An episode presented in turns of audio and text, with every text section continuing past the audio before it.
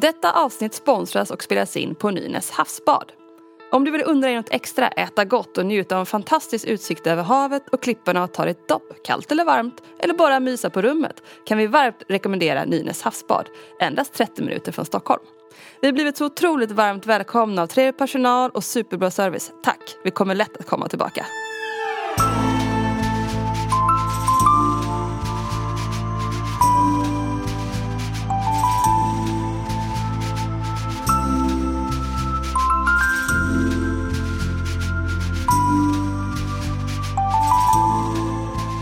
I det här avsnittet träffar vi Daniela Pettersson som nu utbildar sig till Fi-Ariola-artist. Och vad är nu det? Jo, det är en person som arbetar med kosmetisk 3D-tatuering för det som saknar eller vill rätta till den befintliga bröstvårtan eller helt enkelt bara skaffa sig en extra. Vi får även lära oss om hur det går till, om det gör ont, vem man övar på och vad mer man kan få hjälp med efter en cancerbehandling.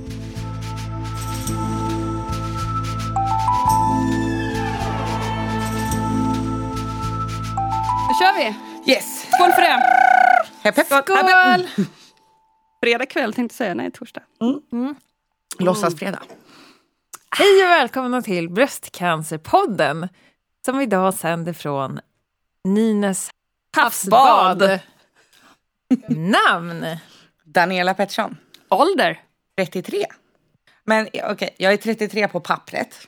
Jag är 25 i hjärnan Ja. och jag är typ 67 i kroppen. det är Så vill jag jämna ut det lite. jävla bra! Ja men det känns bra. Vi får lägga till det i frågorna. Ja, så här. exakt. Ålder? Fysiska, mentala Ja, och mentala. eh, riktiga. Det är en jättebra fråga ju. Ja. Ja, grymt. Dagsform? Jo, den är bra. Familj? Sambo och tre bonusbarn. Bor? Oj, förlåt. Nu tog jag över dig. Bor? Sorunda, Nynäshamn. Uppvuxen? Eh, I mer eller mindre hela landet, beroende på vilket år. Åh, spännande. Från norr till söder liksom? Eller? Ja, lite grann så. Aha. Uppvuxen i Småland kontra Stockholm. Var i Eh, Småland? Förlåt. Västervik. Även Gotland, lite västkust, lite högre upp. Många flyttar. Och Gud, så har du hamnat i Sorunda. Ja, Där var jag red när jag var liten på, i ett stall. De ordnade Ja. via fritids. Det var jättehärligt. det finns ett jättestort stall där. Har de inte korv också Sorunda? Jo, Eller hur? Ja. Det är jag mat. Alltid den är jag bra. mat. Den är bra. Sorundakorven. Vem sa senast? Jag vet inte, säg det igen. Uppvuxen? Nej, det... Nej, det var det du sa. igen. Jävla bra. Utbildning? Många. Senaste är ju eh, inom eh, permanent makeup. Och då gör jag både bryn i olika former, jag gör eyeliner, jag gör läppar och jag gör det som vi ska prata om sen, areola. Jag är även utbildad inom eh, behandlingspedagogik, ledarskap. Alltså jag kan nog rabbla 20 olika utbildningar. Gud vad härligt. Ja. Ja. Att välja och vraka man vill ha hjälp med helt Ja. enkelt. Yrke? Egen företagare, driver krogkasino tillsammans med min sambo. Och sen skönhetsbiten är vår lilla nya bebis då, som vi håller på att bygga upp. Men gud, alltså, Ja. vad spännande! Allätare. Ja, verkligen. Många bollar i luften, det tycker vi om. Coolt. Mm. Hobby?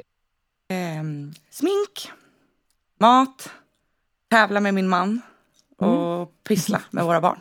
Är, är det så här, tävla liksom vem eh, lagar bäst mat eller är det mer så allt. idrott? Eller, ah, okej. Allt, vad vi än gör, så är det en tävling. Ja, vad jobbigt. Men det är också väldigt kul. Ja, det är kan bli väldigt roligt Ja. och intressant kan jag tänka mig. Det, Mm. det blir det. Vem är det som sminkar sig bäst? Ja, den vinner jag nog jag. Nej, bra. Tror jag. Ganska säker på det. Det är en konstig fråga, men de som inte ser dig nu, har du någon tatuering? Ja, jag har ganska många. Vad är den uh, nyaste tatueringen du har? Eller Yes. senaste, Åh, vänta, nu måste jag tänka efter. Vad gjorde jag senast? Den är nog faktiskt på min vajayjay. Oh, spännande! Ja. Vad är det för någonting? En... Det är ett eh, hjärta med ett nyckelhål Oh. med en eh, krona på. Det kanske inte är någonting man visar upp sådär. Äh, den finns nog redan på Instagram tror Gud, jag måste följa det här nu känner jag. jag. och det är ingen fara. Fan vad nice! Ja. det har jag, ja, jag har inte kommit så långt än. Men du har, men du har mer, du har på armen ser jag. Jag har på armen Och lite som där uppe i här. Jag har nacken. fingrarna, jag har hela magen. Ja. Jag har vår kasinologga på rumpan. Mhm. Jag har en text på foten. Det var den första tatueringen du gjorde. I svanken som jag fick i födelsedagspresent av mina föräldrar när jag fyllde 14. Oh, Oj. det var ändå tid. Fast det var ändå föräldrarna som gav den. Då fick Ja. du göra det. Ja. Ja. Jag oss. Vad är det för någonting? En klassiker? ja, det är en klassisk tribal som jag har ritat själv. Alltså det är så roligt. Jag har ju också en egen som jag gjorde när jag fyllde 18 då. Ja. Också en som jag har ritat själv. På typ halva röven. Eller rumpan, förlåt. En Ja, nej, den var, drake. Mm. ja, nej, det är en tribe och sen så är det ett hjärta i mitten. Så den var ju jättesöt och fin på en 14-åring Ja. men på en fullvuxen kvinna så ser det mest Den blir också lite längre med tiden. Ja, jag kommit precis. på. Jag tycker Men- man kan se lite så här, aha, ja men de är födda i det årtiondet. Ja. Så här, när man tittar så här, ja men tribal tatuering och Ja. ja. Men Det ändå, då. det borde ju ändå vara så här. Alltså jag, tänker, jag skulle ju tänka mig att göra typ en liten delfin nu. Eller en så här klass, alltså typ så som var här dåligt. kult. Ja men liksom förr som Mm. var så här klassiskt, typ en jag vet inte, kanske inte en barbed wire, alltså runt armen riktigt än. Men Nej. det kommer ju säkert komma tillbaka, så här tribal-grejer. Alltså det är så sjukt. Ja. Jag, må, jag måste bara fråga, har du gjort någon av de tatueringarna själv? Nej. själv? Nej. det har jag inte. Nej. Så långt har jag inte gått ännu. Ni kanske kan gissa, men idag ska vi prata om tatueringar. Yes. vi redan kom in Precis. lite på ämnet. Men inte vilka tatueringar som helst. Nej. Ja, jag, när jag pratade med dig första gången, så, eller du hörde av dig till oss faktiskt. Då var jag tvungen att googla. Nej, men jag har inte hört talas om det, att just så här specialtatueringar. Nej. Och då är det helt enkelt en bröstvårtetatuering. Ja, det är en Alltså de som- vårtgårdsrekonstruktion helt Aha. enkelt. Ja. Precis. Och det här kallas då Fi areola. Ja, Var det rätt precis. Ja, det är helt rätt. Eh, vad betyder det?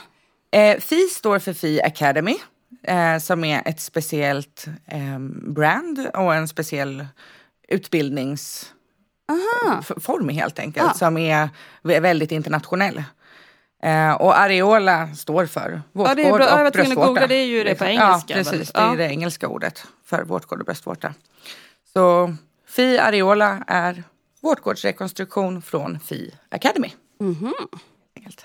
Och jag googlar också mycket för att, liksom, eftersom jag inte själv har hört talas om det. Mm. Alltså jag har tänkt att det borde finnas, man kan göra liksom en bröstvårta såklart. Men Mm. inte just att det fanns specifikt Nej. det. Och det är ju synd att inte det har... Ja, alltså det det har inte har alls blivit lika stort i Sverige som det är i Nej. många andra länder. I Tyskland bland annat så är det ju mycket, mycket vanligare. Och i Mexiko och Brasilien tror jag så är det supervanligt verkligen. Jaha. Så att, eh, jag hoppas ju att det ska bli lika stort här. Efter den här intervjun, oj det kommer explodera. Ja, jag hoppas det. Men, men är, det, är det vanligt, menar du då med själva utbildningen eller med själva att man gör den här typen av tatuering? Både och skulle jag säga. Mm. Eh, det finns inte jättemånga utövare i Sverige som jobbar med areola-tatuering överhuvudtaget. Nu är vi fyra stycken som är utbildade just hos FI Academy då. Sen finns det några andra som också jobbar med det här men som har gått andra utbildningar. Eh, men det finns inte jättemånga och det verkar inte som att det är så många som vet om att det finns.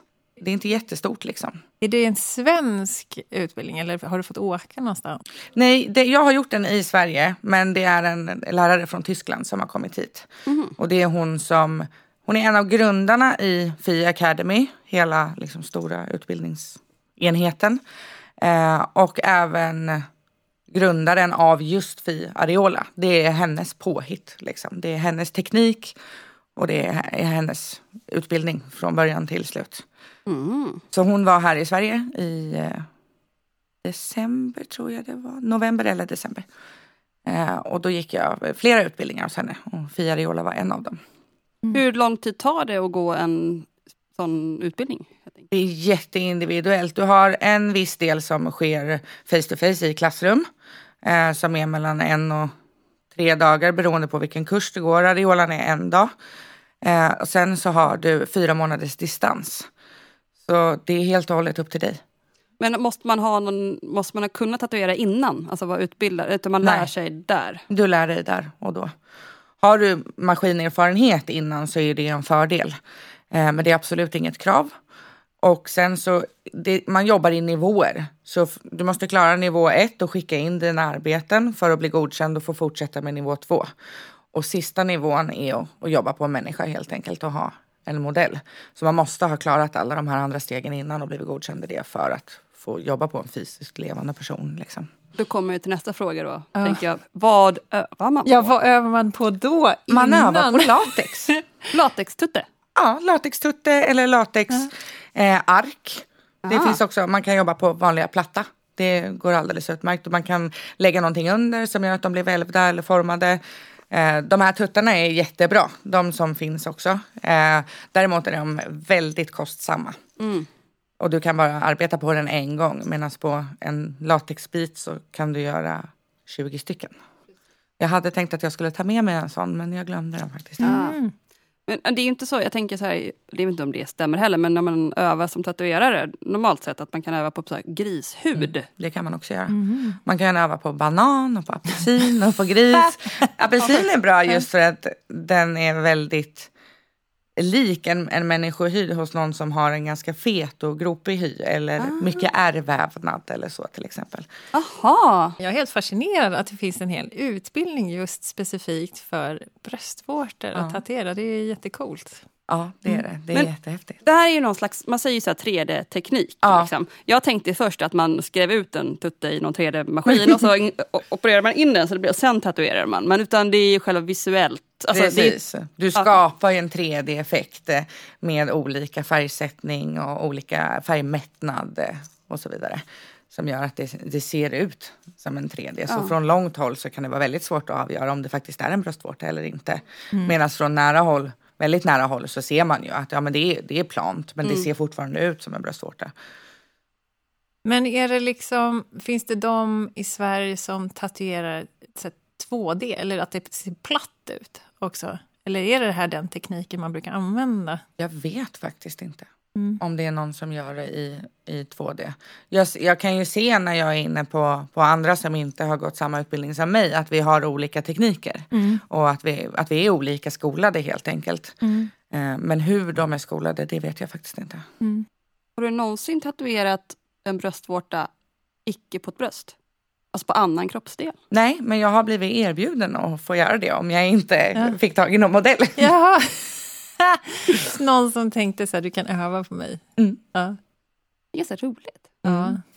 Jo, min mamma tyckte att du kan få göra det på mig. Jag kan Åh. ha det som partytrick. Nej vad fint. Kolla jag har en extra Ja, bröstvårta. exakt. Vad roligt att Ja, sätta den. Ja. Vad roligt att sätta den så här då i sådana fall. Så att man ser den när man har bikini på sig. Men att den sitter helt fel liksom på bröstet. Och sticker upp så här. Sticker upp en sån här bröstvårta Ja. så här, lite för högt upp. Ja, nej, hon tyckte att det var en jätterolig Ja, men det idé. är ju en bra idé. Ja. Bara för att få lite skratt i vardagen. Ja. Man kan sätta den var som helst. Har, hur kommer det sig att du börjar med det här? Har du någon koppling själv till bröstcancer? Eller? Jag har ju faktiskt inte det. Nej. Nej. Utan hela min idé med mitt, eh, med mitt brand och med vad jag vill förmedla och framkalla så handlar det om 100% girl power. Och det är liksom stärka kvinnor, hjälpa kvinnor, pusha kvinnor och liksom alla kvinnor förtjänar att vara den absolut bästa versionen de kan av sig själva. Och kan jag få vara med på den resan och lyfta någon och ge en extra liten push så vill jag så himla gärna göra det. Åh, Det är coola alltså sisterhood. Ja. Det, är, det är dags. Fan. Men hur kom du ens in på det? Eh, det var av en slump. Alltså som jag, jag, jag såg dig i något sammanhang och tyckte men gud det där är ju häftigt. Det här har jag aldrig hört talas om. Jag har aldrig sett det. Jag har aldrig hört någon prata om det eller någonting. Eh, och då, jag vet inte om jag hade börjat min brynutbildning då eller om jag skulle göra det. Men då visade det sig att samma skola där var jag gjorde eh, brynutbildningen då, att den akademin också hade utbildningen i det här. Och då var det en självklarhet, så fort det där kommer till Sverige vill jag vara med. Och sen så tog det ett halvår och sen så låg det där på Instagram och Facebook att nu kommer hon. Gud, så jag hoppade på tåget direkt och bara ja, men självklart det här ska jag också göra. Men som jag har förstått så finns det inte så många som är utbildade i det här i Sverige. Nej, enligt Fi Academy så är vi fyra stycken än så länge. Oj. Mm. Ja. Är det, vet du om det är här i Stockholmsområdet eller finns det lite Eh, utspritt? liksom? jag och min lärare i Fibrows som är en brynteknik, eh, hon och jag är här i Stockholm. Sen finns det en annan tjej som är i Umeå. Och den fjärde tjejen vet jag faktiskt inte vart hon kommer ifrån för hon gick inte samma kurs som jag gjorde utan hon gick en senare kurs. Jag vet inte vart hon håller till. Hoppas hon håller till söderut så det finns lite där också. Ja, Annars får de komma hit. Mm. Är du tatuerad från grunden? nej. Så du gör bara? Ja, bara kosmetisk. Ja. Och då, areola klassas som en medicinsk tatuering. Okej. Så kosmetisk och medicinsk tatuering är det jag gör. Jag gör inte vanliga motiv eller, eller så. Däremot har jag absolut folk som jag kan rekommendera om det skulle vara så att man vill komma och alltså, pryda mer än att ha Mm, enbart en bröstvårta eller vårtgård. Liksom. För det finns jätteduktiga tatuerare. Mm, Mm. verkligen. Mm. Det måste ju finnas tatuerare också som gör va- alltså vanliga tatueringar som också gör bröstvårtor, eller andra hållet också. Kanske. Eh, Ja. Det är ingenting man tänker på ju. Nej. Nej. Nej, ingenting För som jag jag, vet ju eller många- vet på rak arm eller att Typ jag har som min- sett. Ja, för jag vet min tatuerare, eller men att hon skulle nog inte göra ögonbryn till exempel. Nej. Att hon tycker det är, eller jag vet inte, men att hon gör vanliga tatueringar Mm. bara. För att det är just att det är olika liksom, Ja, tänk det, där. ja och det är olika tekniker man jobbar Ja. med. Liksom det, det här är mycket tunnare hud, det är i ansiktet, Ja. det har ett helt annat syfte Mm. än en vanlig tatuering. För mina vanliga tatuerare de kan ju också tatuera i ansiktet men att de väljer att kanske, nej just läppar, bryn och eyeliner är inte mitt område. Nej. Att, men vill du ha en text i pannan så går det jättebra. Ja. Liksom. Ja, det vanliga kanske inte är att göra en 3D-tatuering Nej. heller. När man gör en Bröstvårta i vanlig. pannan. Ja. Ja, precis. Nej, men när man gör en vanlig tatuering, du har väl ingen, det, det är ju inte 3D. Nej. Däremot finns det ju folk som är väldigt duktiga på det också. Ja. Alltså, Jag tycker att hon har varit väldigt duktig på att få så här form på dem ändå. Liksom. Det är Mm. väldigt... Mm. vi, får, vi får titta på varandras tatueringar sen. absolut. Ja. Jag vet ju, jag har ingen tatuering, förutom de här tatueringarna som de tryckte i en i vården för att veta vad, hur man ska ställa in Mm. strålningsapparaten. Då får man lite tre små prickar. Men jag kan ingenting om tatuering. nej. Ja, men hur går en tatuering till Mm. egentligen? Eh, det är också väldigt individuellt såklart. Ska Mm. man ha en areola? Ska man ha två? Har man redan en befintlig så vill man ju i oftast fall då att den ska liksom vara så, så lik som möjligt. Mm. Eh, så då försöker jag att kopiera den enligt både placering, storlek, form, pigment och så vidare. Eh, och självklart går det jättebra att liksom ta med sig bilder eller att jag skulle vilja ha en sån här ton eller att den ska vara si och så stor och så vidare. Sen går det aldrig att garantera att exakt så här kommer det Nej. bli på dig. Men självklart gör man det i den största mån man kan utifrån kundens önskemål. Men sitter du och blandar så här färg då Ja. för att matcha? Liksom, och, Precis, man blandar olika pigment. mm. Men tar du, för, tar du typ ett kort först? Alltså fotar, om den har, man bara har en bröstvårta, man har en vanlig kvar. Mm. Fotar du den först? Och sen så gör du någon slags eh, mall och ritar på andra? Eller, eller hur Jag har den frihand? gärna blottad framför mig Mm. medan jag ritar den andra frihand. Mm, Okej. Mm. Så frihand, det är ju tufft. Mm. Det är Ja. ingenting som man klistrar på Nej. utan jag använder ju en penna. Så mycket och sen, frihand. det är ju Mycket frihand. Och frihand, då, är det, ju att- då ritar du ju egna motiv liksom, också. Om du kör på frihand. Då är det ju som att... Ja, mer eller mindre. Jag har ju en bas som Ja. jag utgår Ja. ifrån. Jag har basmönster och vissa Ja. grejer som liksom ska vara med men där jag då kan ta hjälp av att jag använder olika former av pigment eller olika mättnadsgrad Mm. och så vidare. Ja. För att, för att se vad, hur, hur reagerar din hud på det här pigmentet eller Ja. Mm.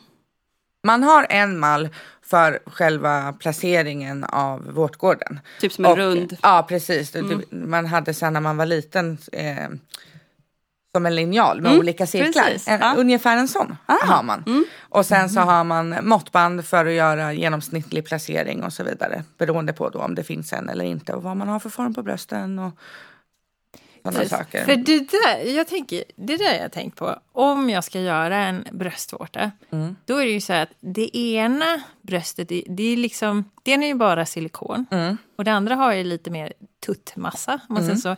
Och den är ju lite mer drabbad av tyngdkraften. Så Mm. den är ju liksom, kommer ju vandra lite neråt. Så här. Hur, hur, ska man, hur tänker man vid placeringen? För man vill liksom inte att de hamnar på helt olika höjd. Nej, precis. Utan man utgår ifrån hur du ser ut idag. Ja. Eh, Och så, och sen hoppas man på det bästa. typ- Nej, men, så får andra tutet vandra neråt. Liksom. Ja. Nej, självklart vill man inte sätta dem liksom i för mycket för olika höjd heller. Utan då kanske man snarare att ja, men kom tillbaka till mig om 15 år så ser vi vad vi kan göra då. Liksom, om vi kan bygga upp det lite ner till eller liknande. Alltså, det finns ju säkert massor med saker man kommer kunna göra. Det, det, det dämpas ju väldigt mycket av sig själv också.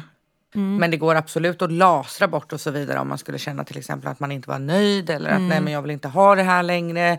Eller jag vill göra helt om, liksom ta bort och börja om. Då kan man lasra bort dem. Och det blir bra, då ser det ut som huden igen. Eller, mm. Men hur behöver man, om man gör den första gången, liksom så att nu är det klart och fint. Mm. Behöver man komma och fylla på? Ja, Hur lång tid efter då? inom sex månader så gör man ett återbesök. Är man helt nöjd och att nej men gud jag vill inte ändra på någonting då måste man absolut inte göra det. Sen får man jättegärna komma till mig i alla fall inom de sex månaderna så att jag får se det färdiga resultatet också. Eh, men man tappar ungefär 40 till 50 procent av pigmentet under läkningen. Så att det ser väldigt intensivt ut från början. Och då kan det vara så att många känner att nej men gud, jag, jag var nästan mer bekväm med den där intensiva starten som jag hade och nu känns det som att det har fejdat bort helt. Och då kan man gå på med lite mörkare pigment nästa gång. Så att man gör hellre alltid för ljust än för mörkt eftersom man räknar med att ett återbesök kommer att ske. Men då är det lite skillnad från en vanlig tatueringsfärg. Det är För det. jag tänker, för så blir det ju inte när man gör en egen. Nej, eller? alla kosmetiska tatueringar innehåller ett återbesök. Så, man, okay, så det, det är ju svaret också så här, då är det inte vid ett tillfälle som den blir färdig utan man Efter räknar två, med precis. två. Med Ja. ganska lång tid emellan också. Mm. Hur lång tid tar det att göra en bröstvårta? Jätteindividuellt. Det kan gå på en timme men det kan ta fem timmar också. Det beror helt på vad du har för hud, hur du tar upp pigmentet, hur mycket ärrvävnad, massor med saker. Ja, och det är ju också en mastektomi när man tar bort hela bröstet. Mm. Då är det ju ofta ett ärr rakt över, ofta där bröstvårtan brukar sitta. Och det ärret kan man också pigmentera. Okej. Mm. Men det är svårare, det tar längre tid att få färgen mättad i en ärrvävnad. Men det går, det är fullt möjligt. Även de som har gjort eh, alltså bröstförstoring eller bröstförminskning oavsett cancer eller inte och får ett ärr runt vårtgården kan komma och få tatuerat och vilja liksom att, nej, men jag vill att det ska snarare se ut som hela min bröstvårta igen och inte ärrvävnad. Så det kan man också komma och göra hos mig. Det har ju, du har ju lite ärrvävnad precis. runt din bröstvårta. De tog ju, skar bort min, la Ja. sidan, sydde ihop och satte dit den igen. Exakt. Jättekonstigt att det funkar ändå. Ja. Eh, men där har man ju, man ser ju det runt om, Ja, liksom, så det streck där. Så man skulle kunna mörka det vita strecket då, för Ja. att man inte vill att det ska synas. Ja, absolut. Eller så tycker man att det är lite tufft. Är ju lite tufft. Ja, men det är ju lite Ja. tufft faktiskt. Ja, Jag tycker också det är lite coolt. Det är en del av historien också. Att Ja men faktiskt. Man har ju hört så här på 70-talet att man använder så här giftig färg och så där. Vad är det för typ av färg man använder nu för tiden? Den här färgen är, nu köper jag färg via den här academin som jag har utbildat mig ifrån. Jag köper alla mina produkter ifrån dem. För att då, då vet jag precis vad jag får. Jag får det som jag är tränad i. Eh, Allting är godkänt av Läkemedelsverket. Och alla deras produkter är till och med veganska. Någonting för dig Tina. Och allergivänliga. Det finns hittills, mig veterligen, inga rapporterade allergiska reaktioner. Och jag har även sådana tester om det skulle vara så att man är superkänslig i hyn eller liknande. Att man, får göra, att man får göra ett pigmenttest först för att se så att man inte reagerar på pigmenten. Men inga tungmetaller liksom, eller o, olagliga ämnen på det viset utan väldigt snälla pigment. Jämfört med min drake på rumpan helt enkelt. Den var jag Ja. gjord i bly antagligen tror jag. Jaha. Japp. Never know. Ja. Det är ju höga krav på allt. Ja. ja, ja. Ja, alltså det är ju en stickande och skärande verksamhet. Ja. Så att det, det är extremt mycket höga krav på allt ifrån då vad alltså, produkterna innehåller till hur de handskas, till hur salongen är eh, förberedd och vad man gör före och efter under tiden. Jag använder mig till exempel enbart av engångsverktyg. ja, för det Det- där tänker jag också att förr så kanske man återanvänder färger fortsätter. Alltså, nu man, an- nej, man nej, tar nej. väl färg och sen så är det förbruk. Du tar färg i en Ja. färgkopp och när den här kunden är klar då åker den i soporna Mm, ja, och det- nålen åker i soporna. Liksom. Det återvänder inga nålar, inga verktyg, någonting sånt. Utan allting är engångscyklar. Så att det, det ska vara liksom verkligen safe. Mm. Helt enkelt. Bra Tina, nu kan vi tatuera oss ihop. Mm. Vi bara såhär, Bröstcancerpodden någonstans. Mm. Göra två tuttar. Varsin vi borde göra varsin bröst. bröstvårta. Ja! Åh, ska jag skriva Tina under min? oh, wow, ska jag ha en Johanna? Så, är, Johanna. det, är det din dotter? Här, Nej, det är min kompis bröstvårta. Jaha, ska det vara en Ja, det ska jag. av det? Ja, Då får jag välja vilken av dina då? Mm. Du, jag har Det bara där med ärret. Mm. Jag sätter den på ett så suspekt ställe. Typ i nacken så här. Åh, du är bra. Du måste ha exakt stå uppsatt hår i ja, matkön. i Man bara, matkön. Ja, Vad precis. är det hon har i nacken? Har hon en bröstvårta i nacken? Herregud. Ja. Skallgången Man börjar på liksom den. bara Ja, trycka på den. try- trycka ner den lite. Gud. Ja. Det är så mycket man kan göra. Mm. Men man har ju också så här otroligt olika bröstvårtor, Mm. Tjejer. Och då, det är ju också någonting som, om man, om man har en bröstvårta som sticker ut ganska mycket, då, den är ju svårare då att få... Eh, Det beror på, du får tänka om du fryser. Vill du, ha, ja, vill du ha en varm bröstvårta eller en fryst bröstvårta? ja, men Hur gör du där? precis. Ja, precis. Eh, jag tror att eh, det spelar nog ingen roll för att kroppen reagerar olika på olika personer. Alltså vissa reagerar ju med att man, att man får en, en förhårdnad under tiden man tatuerar medan vissa reagerar på värmen från maskinen så att det blir avslappnat. Det ska inte spela någon som helst roll Nej, men jag för mig. tänker mer typ för att om man... Det blir ju olika... För min bröstvårta kommer ju se olika ut. Alltså om den, den är varm, då Mm. blir den ju platt och när den är hård så stick, Mm. då blir den ju mer kompakt. Mm. Vad är det vanligast att man tatuerar? En, en, en tuttfräs eller en vanlig? En avslappnad. En tuttfräs Ah, tror okej. jag. Ja. Ja. Mm. Det är det, vad tänker Ja, man inte nej, på? nej, Det är ju nej. så här man inte också, tänker. vad Ja. ska man välja där? Mm. Man är alltid lite upphetsad. Mm. Ja men sen så säger jag tror att det blir också liksom reaktionen av maskinen. Ja. För sen Ja, är det också så att de flesta som har, som har opererat bort brösten eller delar av brösten har förlorat känseln. För att det är så många nervtrådar som kapas. Så att antingen så känner man ingenting. Och sen så finns det ett fåtal som får precis tvärtom. Att de blir jätte, jättekänsliga istället. Och känner precis allting. Jag har faktiskt känn, alltså jag känner lika mycket fortfarande över hela bröstet som liksom... Mm. Alltså inte bröstvårtan, den är ju jättekänslig, den är Mm. borta. Men övriga huden är ju liksom samma känsel som... Det är så konstigt. Ja, min också, min funkar ju. Mm. Alltså, Mm. fast man tagit bort den och tagit dit den igen. Ja det är ju Himla konstigt. Alltså. Ja, Det är jättehäftigt. ja, Knas. Ja. Men där tänker, ja, då har jag en fråga med det. Just, men det är ju skönt om man inte känner någonting för då gör det ju inte ont. Nej. Men kan man få bedövning? Man har ju inte det när man gör vanlig tatuering, men det har väl lite med hur att porerna blir utvidgade eller någonting. Att det Ja, alltså huden slags- blir svampig av numbing cream, Mm, alltså mm. så bedövning. Så att det, det föredras inte Nej. för att det kan vara så att, att din hud förändras. Mm. Liksom. Men däremot alltså, vill man ha, använda Embla innan till exempel Ja, eller så, så precis, går det ja. jättebra. På läpparna och... Folk får sitta med så här emblaplåster på läpparna. Ja precis. Jag bara pratar så här hela tiden. Nej, jag skojar. Det är jättekul att Ja. sätta sig över munnen. Ja. Och speciellt så här, är man cancerpatient, då har man ju så emblaplåster i, Ja. i skåpet. Vi, vi tar mycket så här sprutor Ja. i magen och det är helt omöjligt att ta utan de där Mm. bedövningsplåstren. Ja men du vet ju själv också innan du kommer till mig, du vet ju om du har känsel eller inte. Mm. Är det så att man har blivit högsensitiv, Mm. sätt på ett Embla-plåster, ha det i två timmar innan du kommer. Jag skulle göra så här, tatuering på mina ögonbryn. För Mm. de liksom, förs- eller mina försvann liksom, efter jag har så himla tunna. Det är så, jag har hår men det är inte många. Nej. Kan också bero på 90-talet, Ja. men eh, jag skyller på cancern. Eh, men där också, just för att det var så himla, jag var så himla flottig hud. Ja. Och då var det jättesvårt, det, fast, det fastnade liksom Nej. inte. Hon skulle först bara göra såna här streck, liksom, Mm. men sen så blev det shading istället. För att det andra bara, det försvann bara. Mm. Liksom. Men det, jag, sen har det ju ändå försvunnit. Var det efter cancerbehandlingen? Ja. Eller var det innan? Aha. Efter. Det visste inte jag. jag. Jag har inte sett det heller. Jag har inte tänkt på det. Jag tyckte jag unnar mig allt möjligt efter Ja. det. Coolt. Tycker jag du gjorde rätt i. Men jag skulle behöva göra det igen faktiskt. Mm. Brynen sitter i. T-zonen. Ja, precis. Så att har man också tendenser till att ha en fet hy Ja, så är det mycket svårare det det. att att fästa pigmentet. Men jag skulle säga att hälften av det handlar om vad, vad du gör innan, om du följer alla rekommendationer och råd innan den här behandlingen sker. Och framför allt eftervården. Sen får man räkna med om man har en fetare hudtyp att man kommer att behöva kanske göra mer än ett återbesök. Och man kanske inte kan vänta två år på att komma tillbaka på påfyllning utan då kanske man får göra det en gång om året istället. Vad är det för förbehandling man måste göra?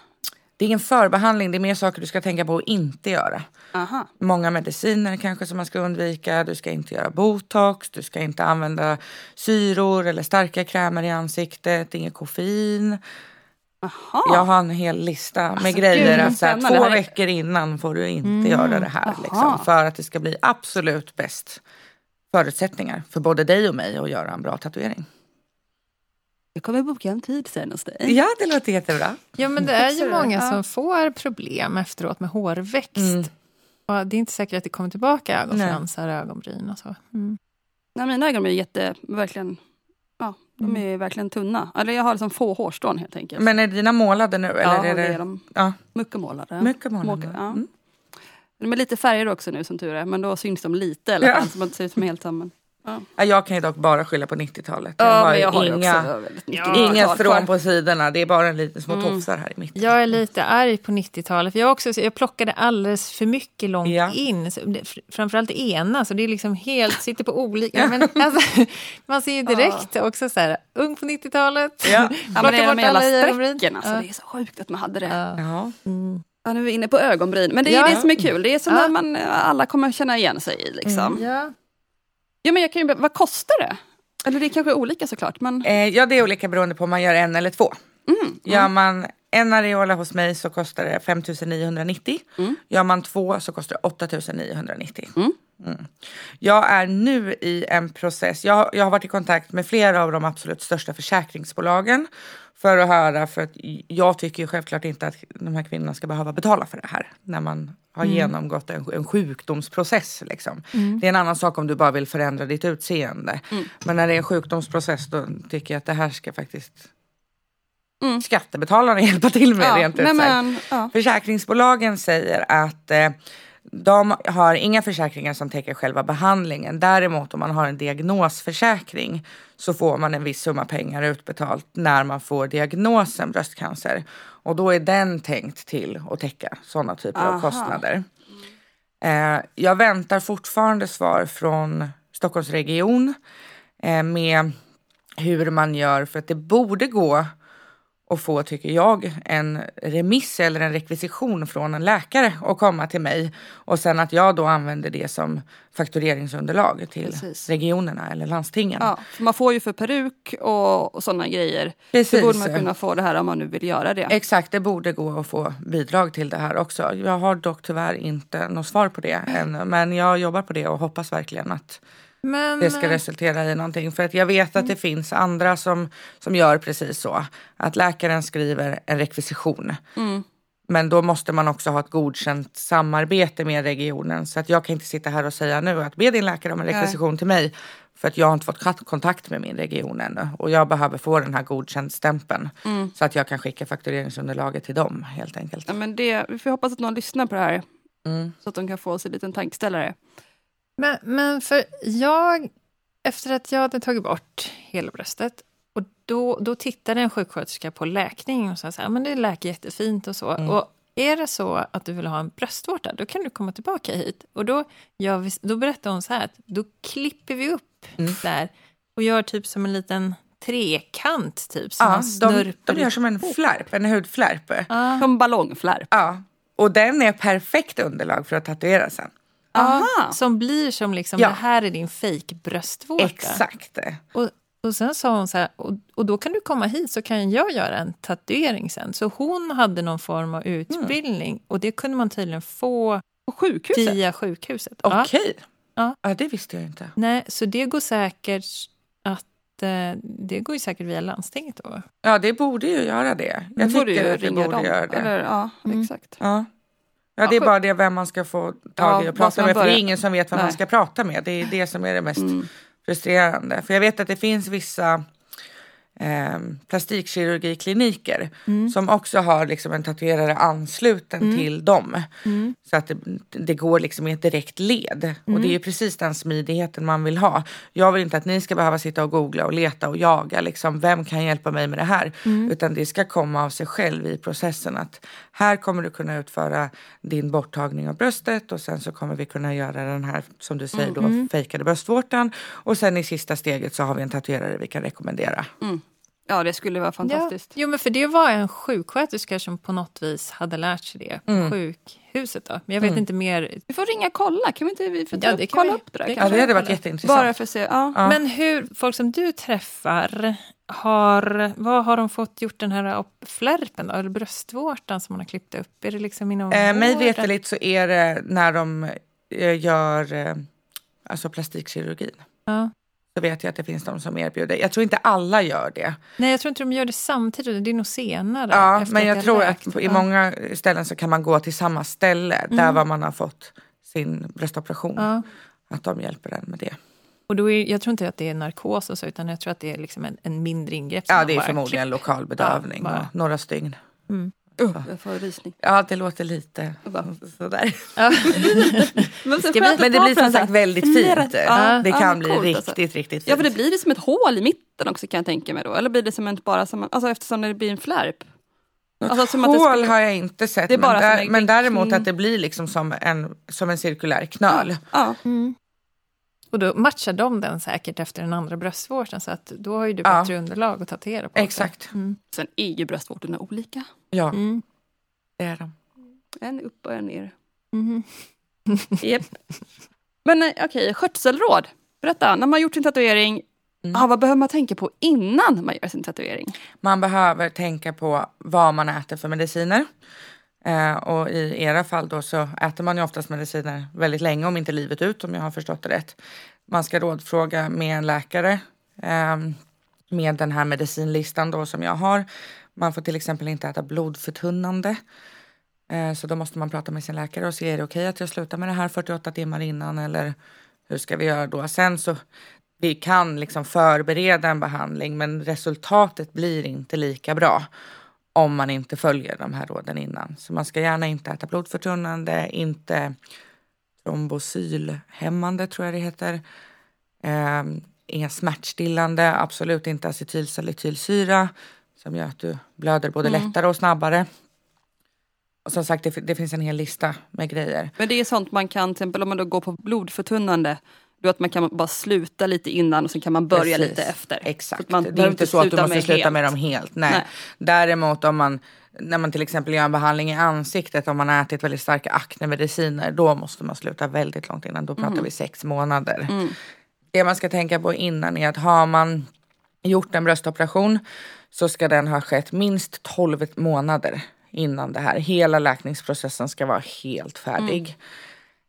Ja, sen är det så här vanliga grejer, inget koffein, eh, inga solarium, inga starka kroppskrämer och så vidare. Och efteråt så är det också samma. Alltså inga, inga krämer, inget solarium, ingen bastu, ingen extrem träning. För att både när man, när man tar i och pressar så pressar man även ut pigmentet och desto mer man svettas desto mer släpper pigmentet också. Och sen så får man med en Alltså du får med en folder med skötselråd vad du ska göra. Du ska använda speciella wipes som du får av mig. Du ska använda en speciell salva som du får av mig. Inte Hellusan. Nej, inte sån. Nej. Man har den typ. Eller hade. Eller, Ja, du var ju helt inkländad när din eller- tatuering var klar. Anna, det här är mer en... Det heter skin candy. Det är en lite mer eh, vaselinliknande eh, kräm som man använder. Och sen absolut inte pilla på skorpor och så vidare. Man får inte klia Nej. och pilla bort utan det ska liksom ramla Och av sig själv. svårt Det är när man vet man att det kliar så in i helskotta ibland. Man bara, Ja, så att, eh, nej, det finns en hel del grejer att tänka på både före och efter. och det är ju för att den ska bli så bra som Ja, möjligt. alltså det är som sagt för att vi ska ha så bra förutsättningar som möjligt för att du ska få en sån fin och bestående tatuering som möjligt. Bra. Men är det samma om man gör ögonbrynen? Ska, är det liksom samma Mm. sätta på? Ja. Där syns det ju mer också. Bröstvårtan kommer ingen se. Liksom. Nej, ögonbrynen, där, det beror på också lite vad du gör för bryn. För det är Mm. lite olika läkningsprocess på dem. Eh, men där handlar det mest om att man ska smörja morgon och kväll. Så att det är ingenting som någon annan ser. Det som kan synas är om man får mycket sårskorpor som sen börjar rasa. Men sköter man sin eftervård så ska man inte få sådana sårskorpor.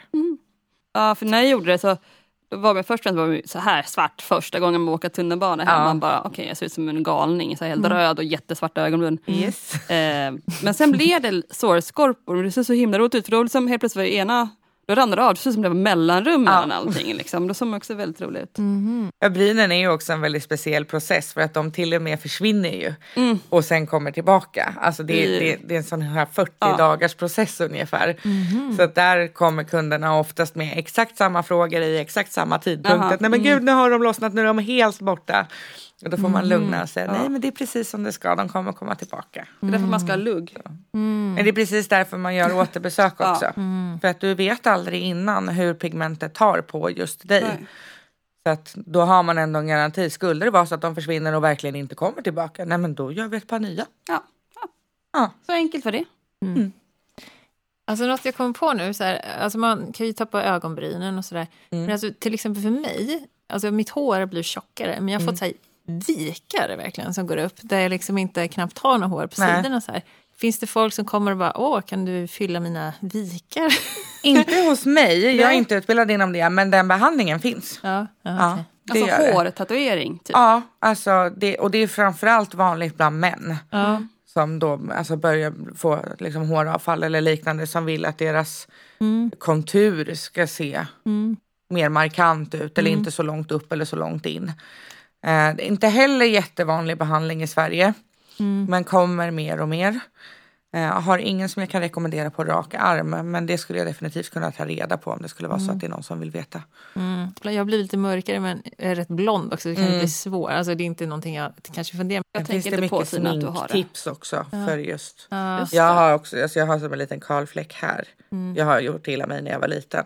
Där brukar jag lägga lite ögonskugga bara så att det ska Aha. se lite Ah. jämnare Det är ju ut. inte alls. Nej, Alltså, det är så mycket folk jag tänker drar på. ner liksom det här. Också. Det, Ja, men jag har inte ens tänkt på att du skulle ha vikar för du sa Nej, det inte nu. jag Nej, heller. men om man, man ser Ja men det här. har ju jag också. Innan behand, cancerbehandling då var det ju bara jättetjockt hår här. Mm. Och sen så har det blivit som babyhår och liksom precis bara här i, ja men som killar brukar få, så här upp i vikerna. Och så Och det- kallas det ålder. Ja men det var det, som, det var det håret som trillade av först vid cancerbehandling Ja. också. Då Ja, var det det verkligen, det, svårt att- trillade ja. av. Och sen så har det inte riktigt återhämtat sig. Det är fjuniga liksom. Mm. Men ditt babyhår döljer ju det. Ja, så. Ja. Det är fint. Som sagt det är ingenting man hade tänkt på om du inte hade sagt det. Nej. Nej. Nej. Nu kommer jag tänka på det inte. varje gång jag ser dig. Ja, nu kommer jag sitta och studera dina ögonbryn och bara, vänta där, det visste inte jag. Precis. Det har försvunnit så är inte så Ja. mycket. Det här med men det här huden också, att, att man har olika hud. Hur vet du hur djupt i huden du ska sätta tatueringen? Alltså man har ju en, en, en bas som man jobbar utifrån. Det finns tre olika hudlager Mm. och jag jobbar bara i det översta. Mm. Sen som sagt beroende på ärrvävnad och, och liknande så kan det liksom vara, det kan vara svårare att få ner pigmentet. Men det handlar aldrig riktigt om att gå djupare utan då handlar det bara om att jobba mer. Men man jobbar väldigt ytligt och väldigt försiktigt för man vill inte skada huden mer än vad den redan är skadad. Jag vill ju bara liksom lite fint trycka dit lite pigment. Eh, så att man, man känner sig fram men man, det är absolut inte så att man liksom går mycket djupare på någon än på någon annan utan djupet ska liksom vara densamma. Men sen så får man se, det kanske går jättefort att göra en pigmentering på dig medan det tar tre timmar för din kropp att ta emot pigmentet. Så att det handlar mer om att det, får, det man får se när man sätter igång helt enkelt. Men ögonbryn, är det också att man ligger i yttersta hudlagret eller går man Mm. djupare då? Eller? Nej, man går väldigt ytligt. Och andra, som Johannas tatuering på armen, är, är det också en... Är det så här, jobbar man i olika lager då? Ganska bra fråga, men nej, jag skulle nog säga att alla tatueringar jobbar man med i samma lager. Nu hoppas jag att någon kan rätta mig om jag har fel. Ehm, men för att jobbar man ner sig i andra lagret av huden, då har du inte längre kontroll över vart pigmentet fastnar. i första, då fastnar det där vart jag lägger det beroende på vinkeln jag väljer att ha på nålen och så vidare också. Men går jag ner i andra laget då smudgas det ut. Typ som rain på rumpan. Då kan de ha gått för djupt, ja. Mm. Jag har också en tatuering men där man har gjorde- gått för alltså- djupt, alltså det flöt liksom ut. Och den blir tjock när man, Ja. när man råkar slå till den. låter ju helt hemskt. Ja, för det är ju inte meningen heller att en, en tatuering ska skapa en ny ärrvävnad Nej. liksom, utan För då har bli man ju gått på för ibland, hårt eller för liksom. Ja. djupt. Men det var också på ett tak ovanför ett garage hade han en Ja, då kanske det kommer komplikationer, bara den tanken. Herregud. Var du, hade du åldern inne? Ja, jag fyllde det sam, typ samma dag som jag fyllde 18 typ som jag åkte dit. Som jag, hade, jag hade så gärna velat ha. Jag var så Ja. stolt så. Tyckte den var jättesnygg. Alltså verkligen, jag tyckte den var så jävla cool. Men, ehm, ja, men det är ju ett minne då. Får Ja, man ju tänka. och den man får hade tänka ju ett så. syfte då. Ja, Så att jag får väl liksom, jag blir lika chockad varje gång. Bara, oh, har jag... Ja, jag är väldigt tacksam att jag inte ser min i svanken varje dag för det hade jag nog tyckt var lite jobbigt faktiskt. Jag valde rätt ställe i alla fall. Exakt. Det är ett minne, det är Du som får ett fotoalbum. Liksom. Ja. Ja, och dölja den med en bröstvårta. Har en väldigt stor bröstvårta. Alltså, jättestor. ja. Ja. Och som kund, bör man så här förbereda någonting? Nej, alltså kom gärna utvilad, ha ätit ordentligt, inte stressad iväg till någonting efteråt. Sen är det klart att det här kan bli en väldigt känslomässig process. För vissa så är det liksom inga konstigheter vare sig att visa sina bröst eller så. Medan för andra så kan det vara jätte, jättekänsligt för att det är jätteintimt och det är en så himla stor del. Många reagerar väldigt starkt när man får se sig i spegeln efteråt. Och det, du kan inte ens... Du behöver nödvändigtvis inte ha känt dig i brist på ett bättre ord, men liksom okomplett eller ofullständig eller. Så för att det är vi ändå oavsett de här delarna. Men att när man väl sen ser det, att det blir en väldigt känslomässigt laddad stund. Liksom. Så bara mer liksom, kom utvilad, ha ätit ordentligt. Ha gärna någonting ätbart och drickbart med dig också. Och det är helt okej vare sig om man vill prata om sin liksom, resa eller process eller om man inte vill det. Det är helt och hållet upp till dig. Men tar jag en sån här kund eller klient då, alltså, då skulle jag avboka resten av hela den dagen. För att vill du berätta din historia för mig, då tänker jag utan problem avsätta fyra timmar för att lyssna på den.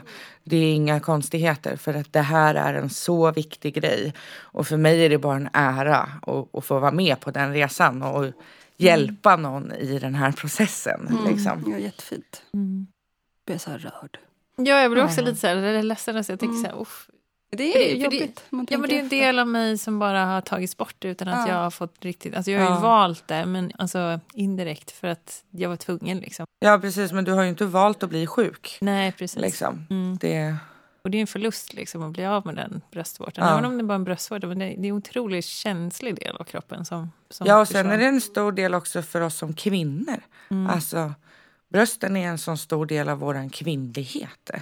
Eller att känna sig k- kvinnlig. Så.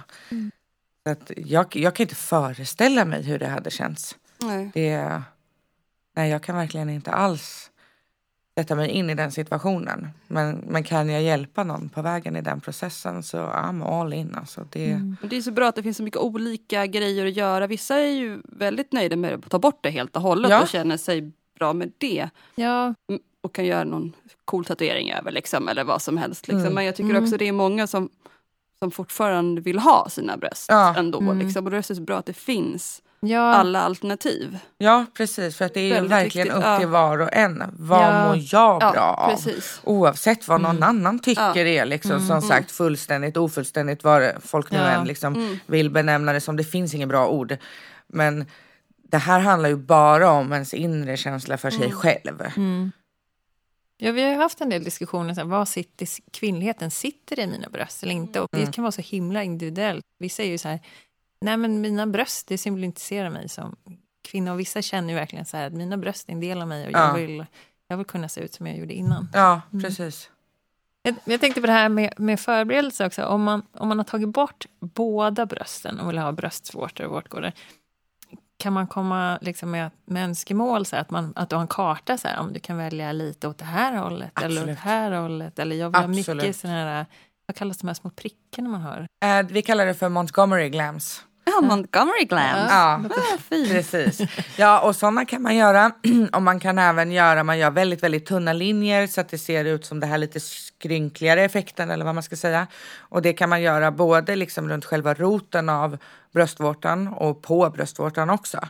Så att det, och det gör verkligen den här 3D-effekten. Alltså Just de här små detaljerna och att man jobbar med highlights. Att man tänker på att okej, men om ljuset kommer uppifrån. För att står man upp naken så har man oftast uppifrån. Så att det ska liksom se ut som att det faller ljus på så de är lite ljusare åt ena hållet, mörkare under till med skuggning och så vidare. Coolt. Mm. Så absolut kan man komma med önskemål på, på allt. Färg, form, utseende, storlek. Alltså, Men finns det så här, när man väljer, när man målar väggen hemma, då finns det så här färgkarta. Finns det typ så här, här är bröstvårtekarta med... nej, det gör det inte riktigt. Just för att hade jag gjort det, hade jag haft en sån, då hade det gett intrycket av att precis så här kommer det att se ut på dig. Okej. Mm. Mm. Så då är det bättre att man kommer med åt det här hållet skulle jag vilja ha det och så kommer jag göra mitt bästa för att det ska bli så.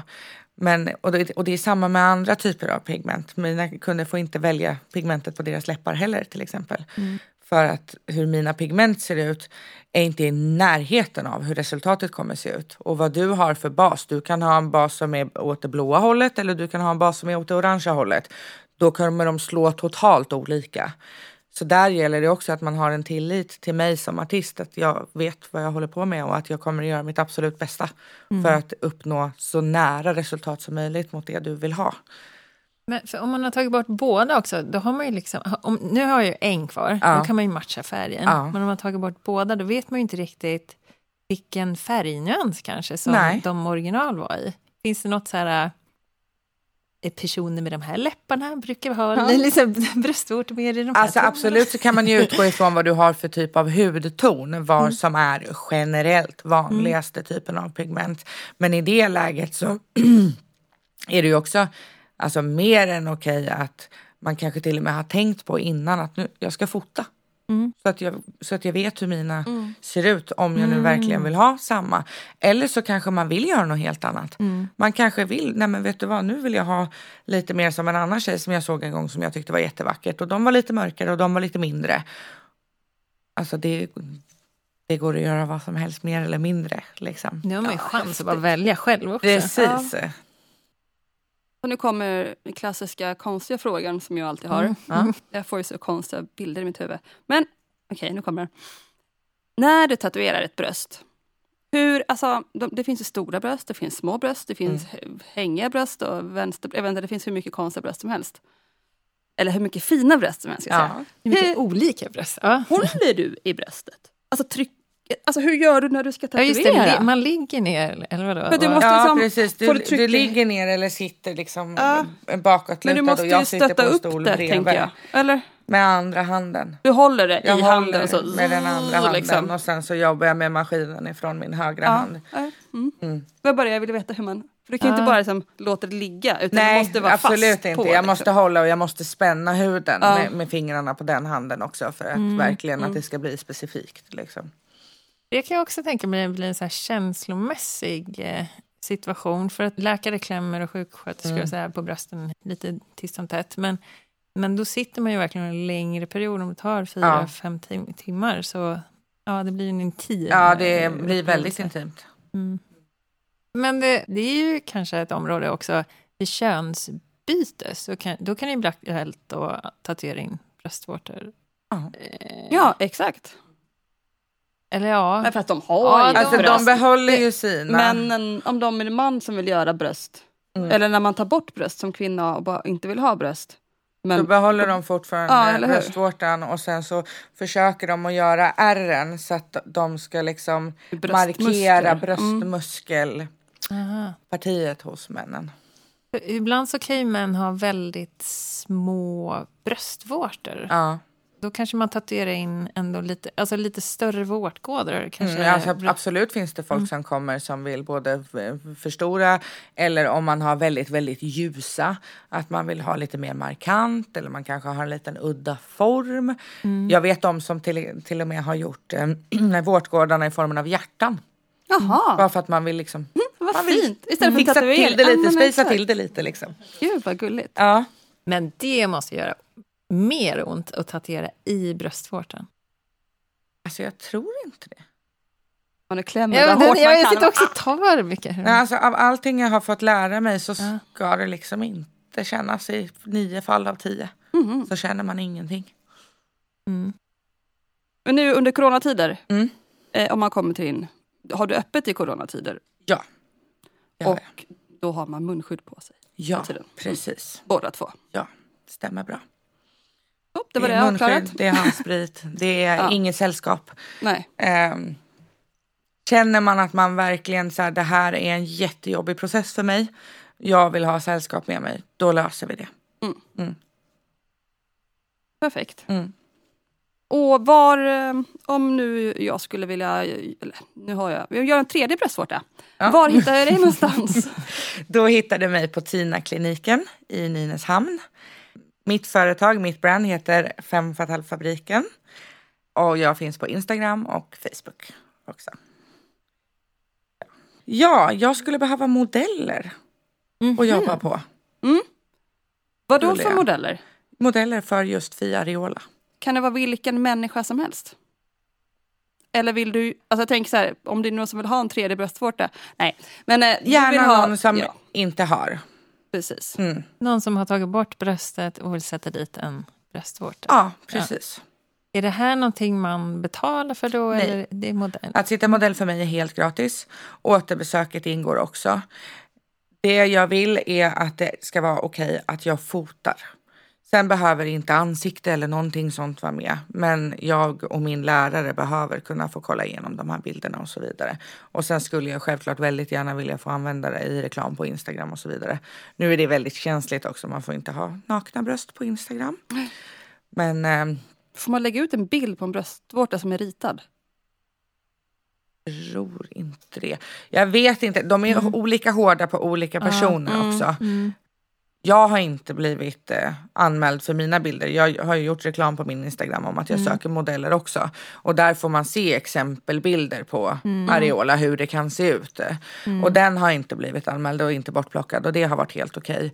Men sen vet jag som andra konton att där har det, har det plockats bort direkt. För det blir ju liksom. konstigt att censurera en bröstvårtstatuering för då blir det ju ingenting kvar. Nej, då har jag ingenting att visa. Liksom. Det är precis Ja, det, det jag vill väl- ja. visa. Så att det blir väldigt konstigt. Alltså, när vi skulle lägga upp vår profilbild också, den är rätt så naken så, men då, då tittade vi också och då var det på den tiden då, det ändras ju också, de kan Mm. skriva om reglerna, men då var det okej att visa så länge man inte visar bröstvårtan. Mm. Och eh, därför håller jag har ju ingen bröstvårta och du håller ju för din. Mm. Men nu Mm. tror jag att de har uppgraderat lite, och, och, eller uppdaterat, och att det är, alltså om man visar mycket hud. Så att de, de har lagt in lite sådär fri tolkning, Aha. att de kan ta bort. Men det är också Ja, om för det är okej för ett manligt bröst men det är inte okej för ett kvinnligt. För det vet jag att det har varit mycket debatt om. Mm. Att en, en barbröstad man, det är inga problem regelmässigt. Mm. Men att en barbröstad kvinna, det går, det går bort. Och jag tror att det är lite olika för olika länder och så också. Men, men Mm. det där Ja, Ja, definitivt. verkligen. det är ett helt ämne det där också. Men, Ja, det är känsligt. Men coolt. Då, Ja. om man nu vill vara modell Ja. så eh, får man ju kontakta vi lägger ut dina kontaktuppgifter Ja, helt enkelt. precis. Eh, Då skickar man ett DM till mig på Ja. Instagram eller Facebook på Mm. Femme Fatale-fabriken. Är det nu en viss period eller ett visst antal? Eller är det liksom, man, man hör av sig till dig så kan du se om det funkar. Ja, men precis. Mm. Det är gärna inom en snar framtid. Mm. Um, men sen beror det ju också på, ja, det kanske inte är någon som hör av sig och det ligger på eran Instagram om två månader så hör av er och fråga. Det, ska, det skadar aldrig. Mm. Liksom. Mm. Ja. Vad intressant. Vi får tacka så jätte, ja, tack jättemycket. själva. Det här var Jätteroligt. Ja. Ja. Är, det, är det någonting mer som du känner så här, det här vill jag ha med? Eller? Nej, Nej. jag tror inte det. ja, Nej. men det bara känns så himla Jag är bara så himla glad att vara här. Ja. mål med det där mejlet var att så här, de kanske kan prata om att den här behandlingen finns i podden. Och har jag riktigt flit så kan de nämna mig. Ja. Och sen så skrev ni gick ju fort. och inbjöd och jag var så oh, herregud, jag fick sånt adrenalinpåslag och det var tio minuter innan en kund skulle komma så jag Ja, stod bara och hoppade in i salongen och jag bara, "Gud, vad ska jag göra nu? Ja, nej, men det är klart. Det är så himla kul att ha sån här podd för vi träffar så mycket träffar så mycket olika människor. Mm. Och det är så kul, man lär sig så himla mycket för vi vet ju inte hur allting fungerar. Nej. Alltså, så här, vi kan ju bara om vad vi har varit med om men man får höra så mycket intressanta saker. Mm. Och jag, jag får så mycket konstiga frågor i mitt huvud. Det är som är så kul. Man kan ju, Ja, det är jag skäms ju inte, jag kan ju bara säga, det är Mm. ju det som tycker jag är jättekul. Att fråga så här sjuka grejer. Ja och det är ju oftast fler som tänker på de Ja, där men det är sjuka grejerna. vågar men det är ingen göra som det. vågar fråga exakt det. Det här- Så det är ju bara jättebra det Ja, är ju det. roligt Ja. och det är det som är Ja. intressant att lyssna på också. Ja men lite Ja, liksom. och det intressanta är att det kommer ofta väldigt intressanta svar. Ja, Ja, för folk vet ju så mycket Ja. bra grejer som inte kommer fram. jo, jo, det fungerar så här. Jaha. Jag känner mig också väldigt ärad att få Mm. vara här trots att jag inte själv har genomgått det som ni har. Mm. Och det är jag väldigt tacksam för. Men det är klart. Och då är vi ärade att du inte ens har gått igenom det. Ändå vill hjälpa till. Ja, det vill jag. Ja men det är fint. Nästan jag skulle önska att jag inte hade någon bröstvårta så att jag kunde tatuera en extra. Eller jag kan ju tatuera en extra men att jag, jag kanske, jag vet inte. Jag kanske kommer att fixa mina ögonbryn istället om det nu går med min feta hy. Vi löser det. Mm. Bra. Det låter jättebra. Superintressant. Och tack så jättemycket. Tack så jättemycket. Jag hoppas att det kommer massor av kunder till Ja, här. vi ska ragga, Ja. ragga Yes. till dig. Det här blir skitbra. Så alla ni som lyssnar, Ja. hör av oss till oss om ni vill få en extra bröstvårta. Ja. ja, information finns i texten, poddtexten. Ha det bra. Hej då! Tina! Tina glömde trycka på räck. Jag måste bara Ja. säga det nu. Ah, okej. Så om det låter lite argt i här så är det inte mitt Det här fel. kommer bli vårt argaste outro. ja, men nu är du ju arg. Men du har Ja. ju i vilket fall sovit väldigt gott i den här anläggningen. Oj, oj, oj. Vi har så ätit gott supergod frukost, Mhm. solen skiner och vi har ett till poddavsnitt. Ja, det är faktiskt. Nu är jag inte arg längre.